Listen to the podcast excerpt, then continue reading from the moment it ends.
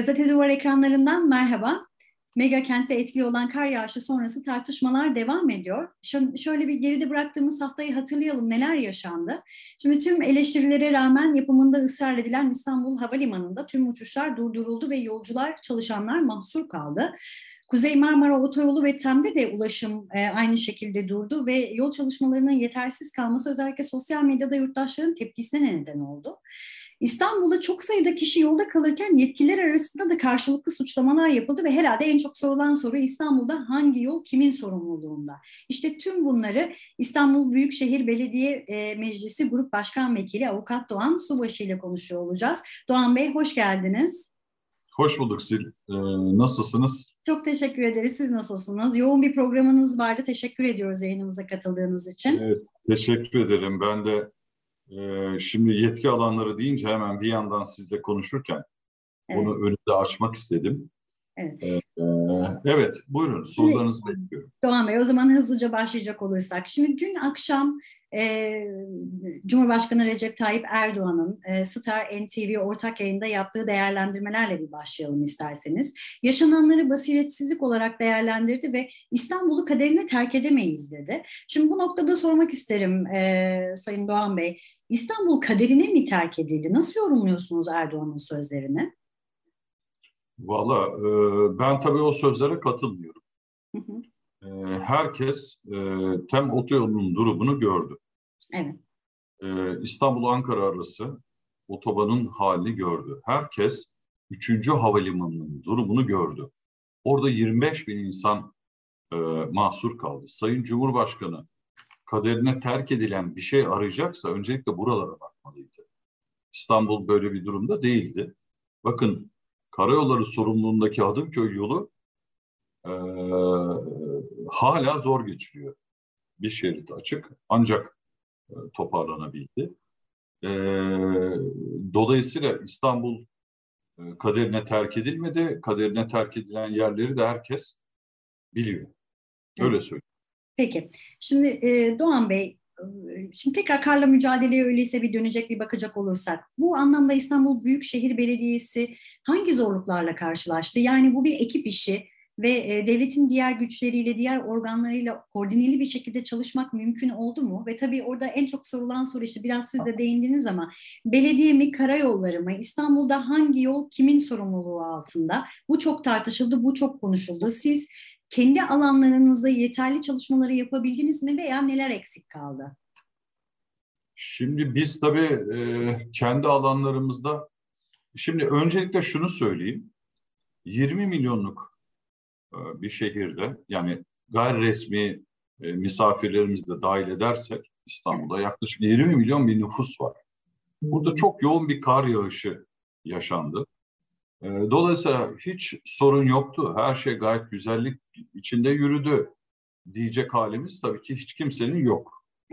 E, o durumda değiliz. Muhakkak aksamalar ve eksiklikler oldu.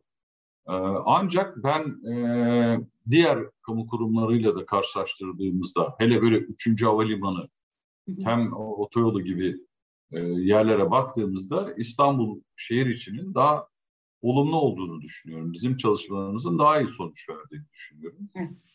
Ee, ama bu konularda hani bir karşılaştırma yapmak da çok doğru olmayabilir, onu da söyleyeyim. Yani ben kamu kurumlarından şunlar iyi çalıştı, bunlar kötü çalıştı gibi bir tavrı biz genel olarak da doğru bulmuyoruz zaten. Ee, şimdi biz burada bir strateji içinde hareket ettik öncelikle. Bizim bir farkımız oydu geçmiş dönemlerle. Hı hı. E, dedik ki İstanbul'un trafiğini yaya trafiği ve araç trafiği olarak ikiye ayırırsak yaya trafiği kesintisiz olmalıdır dedik ve bunların temel aksı da metrolar ve metrobüs idi. Hı hı. Tabii ki ara sokaklara belediye otobüslerinin girmesi falan sıkıntılıydı ama ana akslarda metrobüsün durduğuna tanık olmadınız. Evet. E, metroların durduğuna da tanık olmadınız metrolar doğal olarak normalde durmaması da gerekir.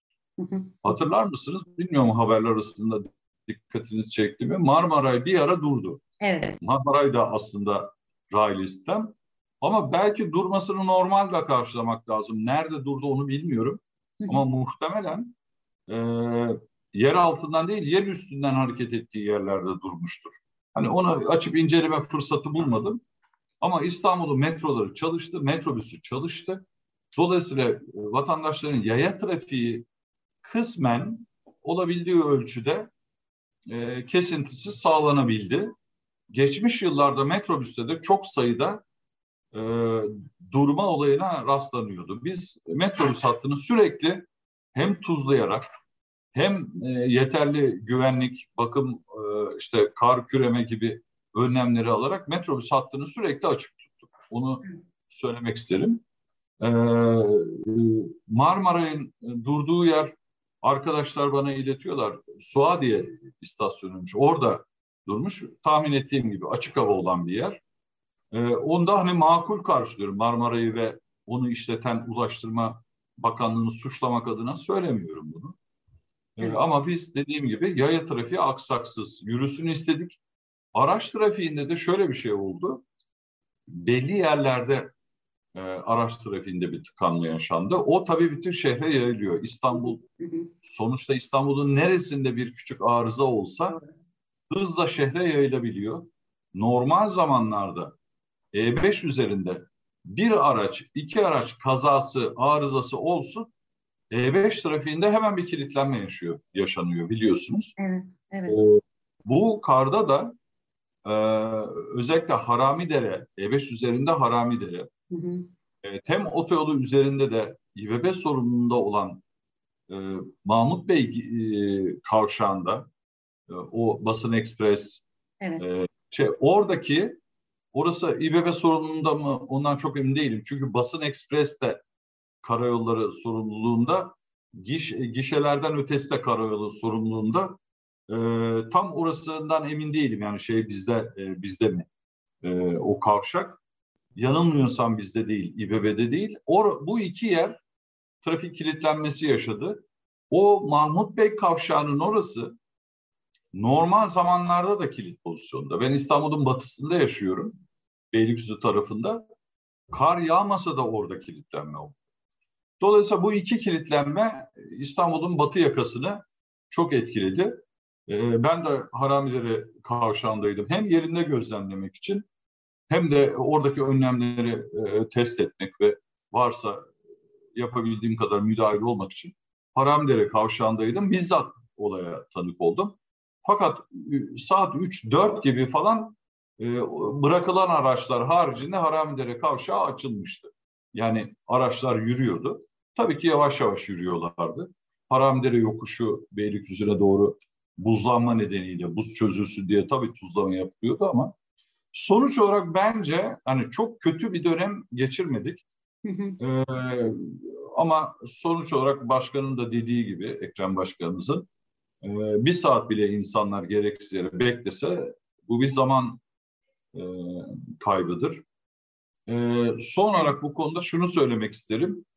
Daha önceki yıllarda duyduğumuz şu kadar vatandaşımız donarak öldü, bu kadar vatandaşımız donarak öldü şeklinde bir haber dikkat ettiyseniz bu kar yağışında hiç duymadık. Çünkü İstanbul Büyükşehir Belediyesi evsiz, sokakta yaşayan insanlarımızın evet. hepsi onların da onayını alarak geçici barınakları alıyor. Evet. Orada beslenmesi, ısınması, çorbası, yatması, kalkması o ihtiyaçlarını onlar istediği sürece çok uzun olmayan bir süre karşılıyor. E, bunu biz tabii kim nerede onu da az çok biliyoruz kayıtları da var. E, dolayısıyla ve İBB bu uygulamaya başlayınca ilçe belediyeleri de benzer uygulamalara başladılar. Dolayısıyla hiçbir vatandaşımız donarak ölmedi. Bunu da hani bir sevindirici kısım olarak ele evet. alıyoruz biz.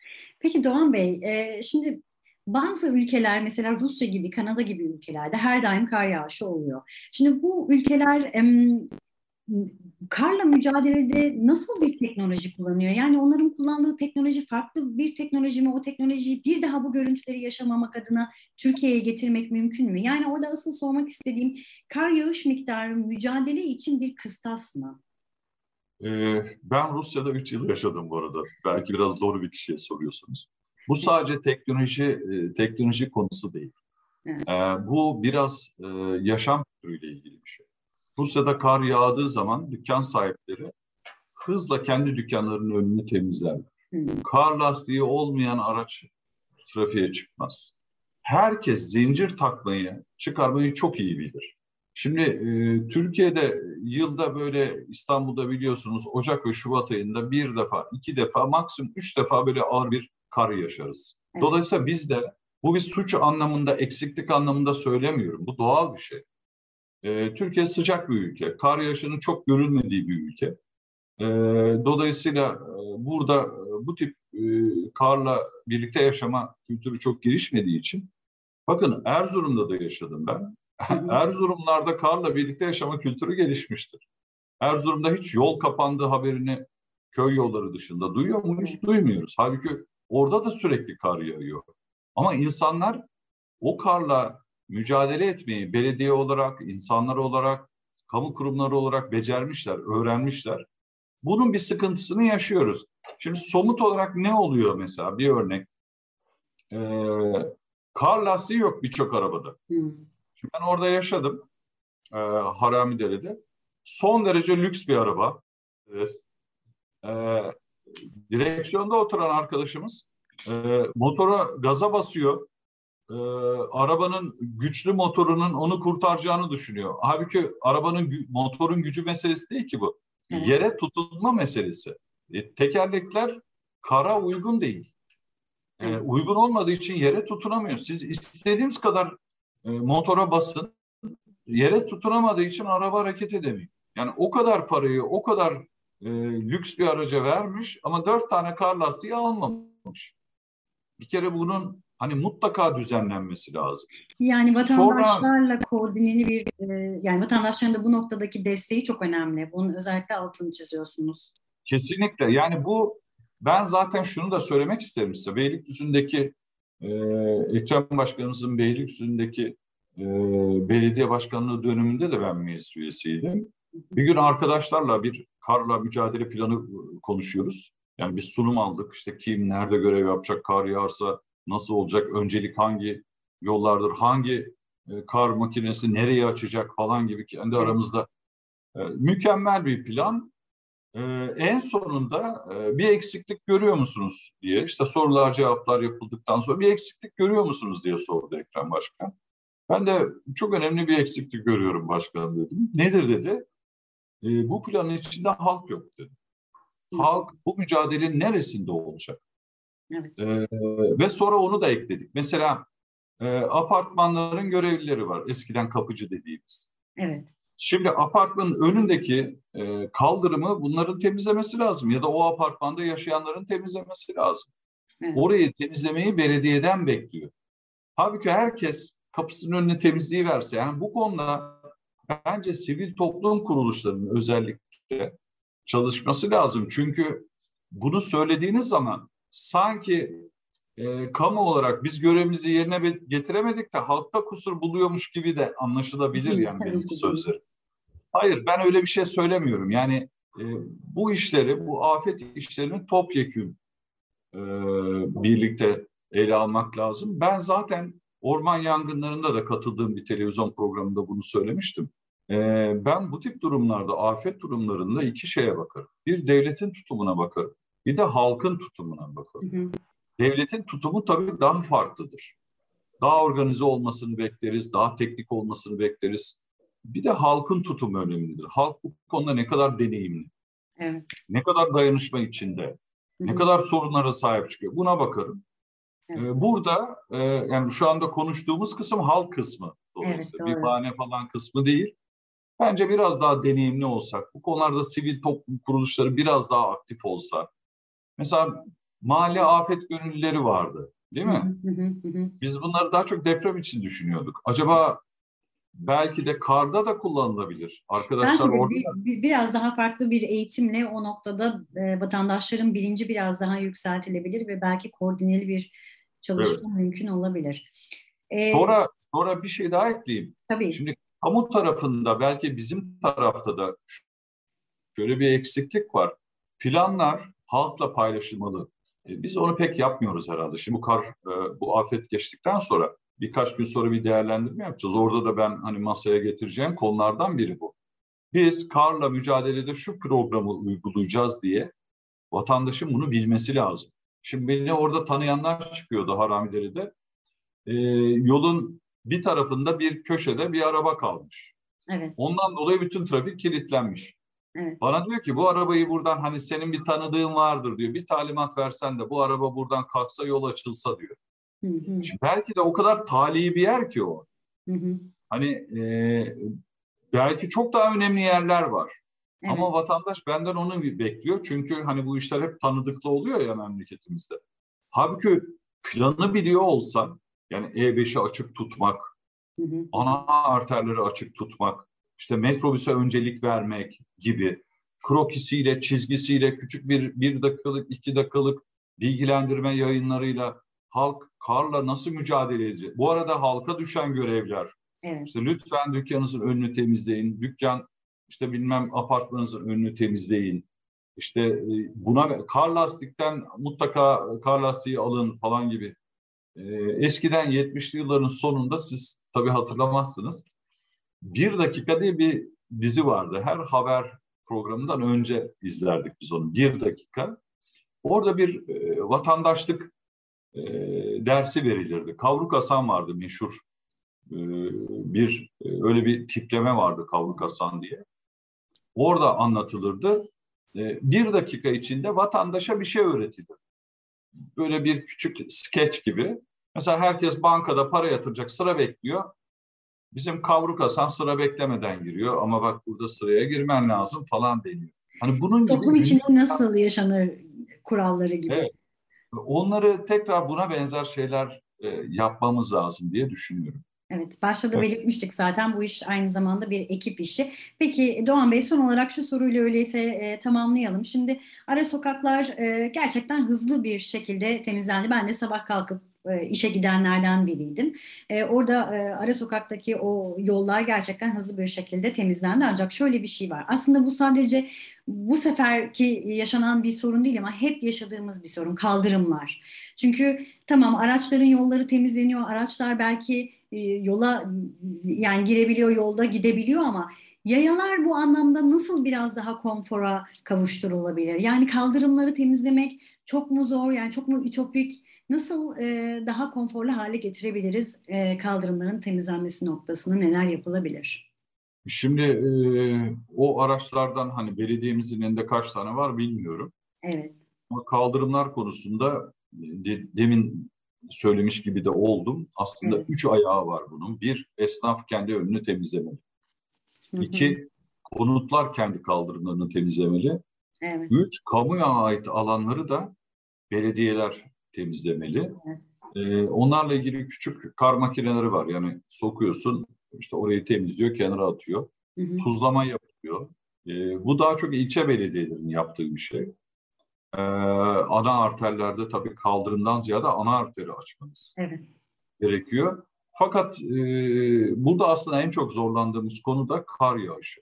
Yani siz temizliyorsunuz, hı hı. Ardından hemen e, kar yağışı başlıyor ve orayı tıkıyor. E, benim Rusya'da gördüğüm kar yağışı sırasında temizlik yapılmıyor mesela. Bizde kar yağıyor. Kar yağarken kar küreme aracı geçip karı topluyor. E, yani e, tabii o da yapılabilir. Belki kar yağışında çok yığılmasın diye belki o da yapılabilir. Bilemiyorum ama ben hafızamı şöyle bir yokluyorum. Kar yağışı sırasında kar küremesi pek yapılmıyordu Rusya'da. Ee, yani daha organize olmamız lazım. Kamu kurumları olarak, e, bireyler olarak, vatandaşlar olarak bu konularda eğitim almamız lazım. E, bu işi ciddiyetle ele almamız lazım. Yani birbirimizi suçlama dilinden vazgeçmemiz lazım. Beni bu e, afet döneminde en çok üzen konulardan biri şu oldu. Sevindiren ve üzen. Sevindiren ne oldu? Ekrem Başkan hem AK Partili hem CHP'li belediyelere teşekkür etti. Hiçbir kamu kurumunu suçlamadı. Hiçbir yer bizim yetki alanımızdır, değildir diye bakmadan e, oralarda temizlik faaliyeti yapacağız dedi. Canan Başkanımız AK Partili belediyelere de teşekkür etti. Herkes canla başla çalışıyor diye. Gerçekten hem AK Partili hem CHP'li ilçe belediyeleri hem Büyükşehir Belediyesi vatandaşa çorba dağıttı, gıda ürünleri dağıttı, ee, sokaktakileri topladı, güvenli yerlere aldı. Yolları açmak için çok uğraştı. Bakın ara sokaklar açıktı diyorsunuz. Onlar ilçe sorumluluğunda. Yani Canan Başkan da bunu söyledi. Ben de bunu söyledim. Yani bütün belediyelere e, çabalarından dolayı kutladım, emek veriyorlar falan diye söyledim. Ve ne Ekrem Başkan, ne Canan'ın e, il başkanımız, ne ben böyle söyleyelim diye bir araya gerek bunu konuşmamıştık. Hı hı. Herkes içsel olarak işin doğrusu bu olduğu için böyle söyledi. Evet. Bizim tarafta olay buydu ama diğer tarafta AK Parti il başkanı gecenin birinde e, işte İBB sınıfta kaldı. İstanbul sahipsiz değildir. E, işte İstanbul'da niye böyle karla yol açılıyor falan gibi laflar ediyor. Sonra yani olayı politize ediyor onu demeye çalışıyorum. Hı hı. Politik sonuçlar çıkaracaksanız afet geçer. Bir sene, bir gün, iki gün geçer. Ondan sonra oturursunuz. Bir muhasebe yaparsınız. Başarılı oldum, başarısız oldum dersiniz. Şimdi e, bir anda tartışma Ekrem Bey balıkçıya yemeğe gitti mi, gitmedi mi? Yani insanlar canı burnunda karla mücadele ediyor, sokağa çıkamıyor. İş yerleri kapanmış, okullar kapanmış. Ekrem Başkan balıkçıda mıydı, değil miydi gibi. Bence magazinden öte çok fazla anlamı olmayan. E, yani İstanbul Büyükşehir Belediye Başkanı karla mücadelenin başından kalkıp bir yemeğe gidip geldiyse evet. mutlaka o yemeğin bir anlamı vardır. İstanbul için bir faydası vardır. Yani Ekrem Başkan işin başında durunca işler daha mı iyi yürüyecek, daha mı kötü yürüyecek? Zaten onun sistemi kurulmuş. İki saat oradan ayrılınca işler bozuluyorsa zaten sistem yok demektir. Bakın e, ilginç bir şey söyleyeyim. Ankara'dan gazetelerde, ha, haberlerde falan çok böyle büyük bir şeymiş gibi yazdılar. İçişleri Bakanı İstanbul'da, Ulaştırma Bakanı İstanbul'da. Dün Sayın Cumhurbaşkanı da söyledi. İki bakanımı İstanbul'a gö gönderdiğinde ne oldu? Yani e, valinin yapamadığı neyi yaptı bu iki bakan? Valinin hangi yetkisi yoktu da bu iki bakan gelince sorunlar çözüldü? Ve çözüldü mü? Ne katkı sağladı? Tamamen hani AK Parti tarafında ben şunu gördüm. İl başkanının tutumu, bakanların tutumu, Sayın Cumhurbaşkanı'nın AK Parti Genel Başkanı sıfatıyla söylediği sözler bu işi biraz şova çevirdiler. Yani e, o hazımsızlık diyoruz ya gerisinde. Yani İstanbul Belediyesi'ni e, bu afet karşısında nasıl aciz gösteririz? Bunun telaşına düştüler. E, afetle falan uğraşmak yerine İstanbul Belediyesi nasıl küçük düşürürüz telaşına düştüler. Bu bence şu afetten çıkarılacak e, en önemli üzücü sonuçlardan bir tanesidir bence.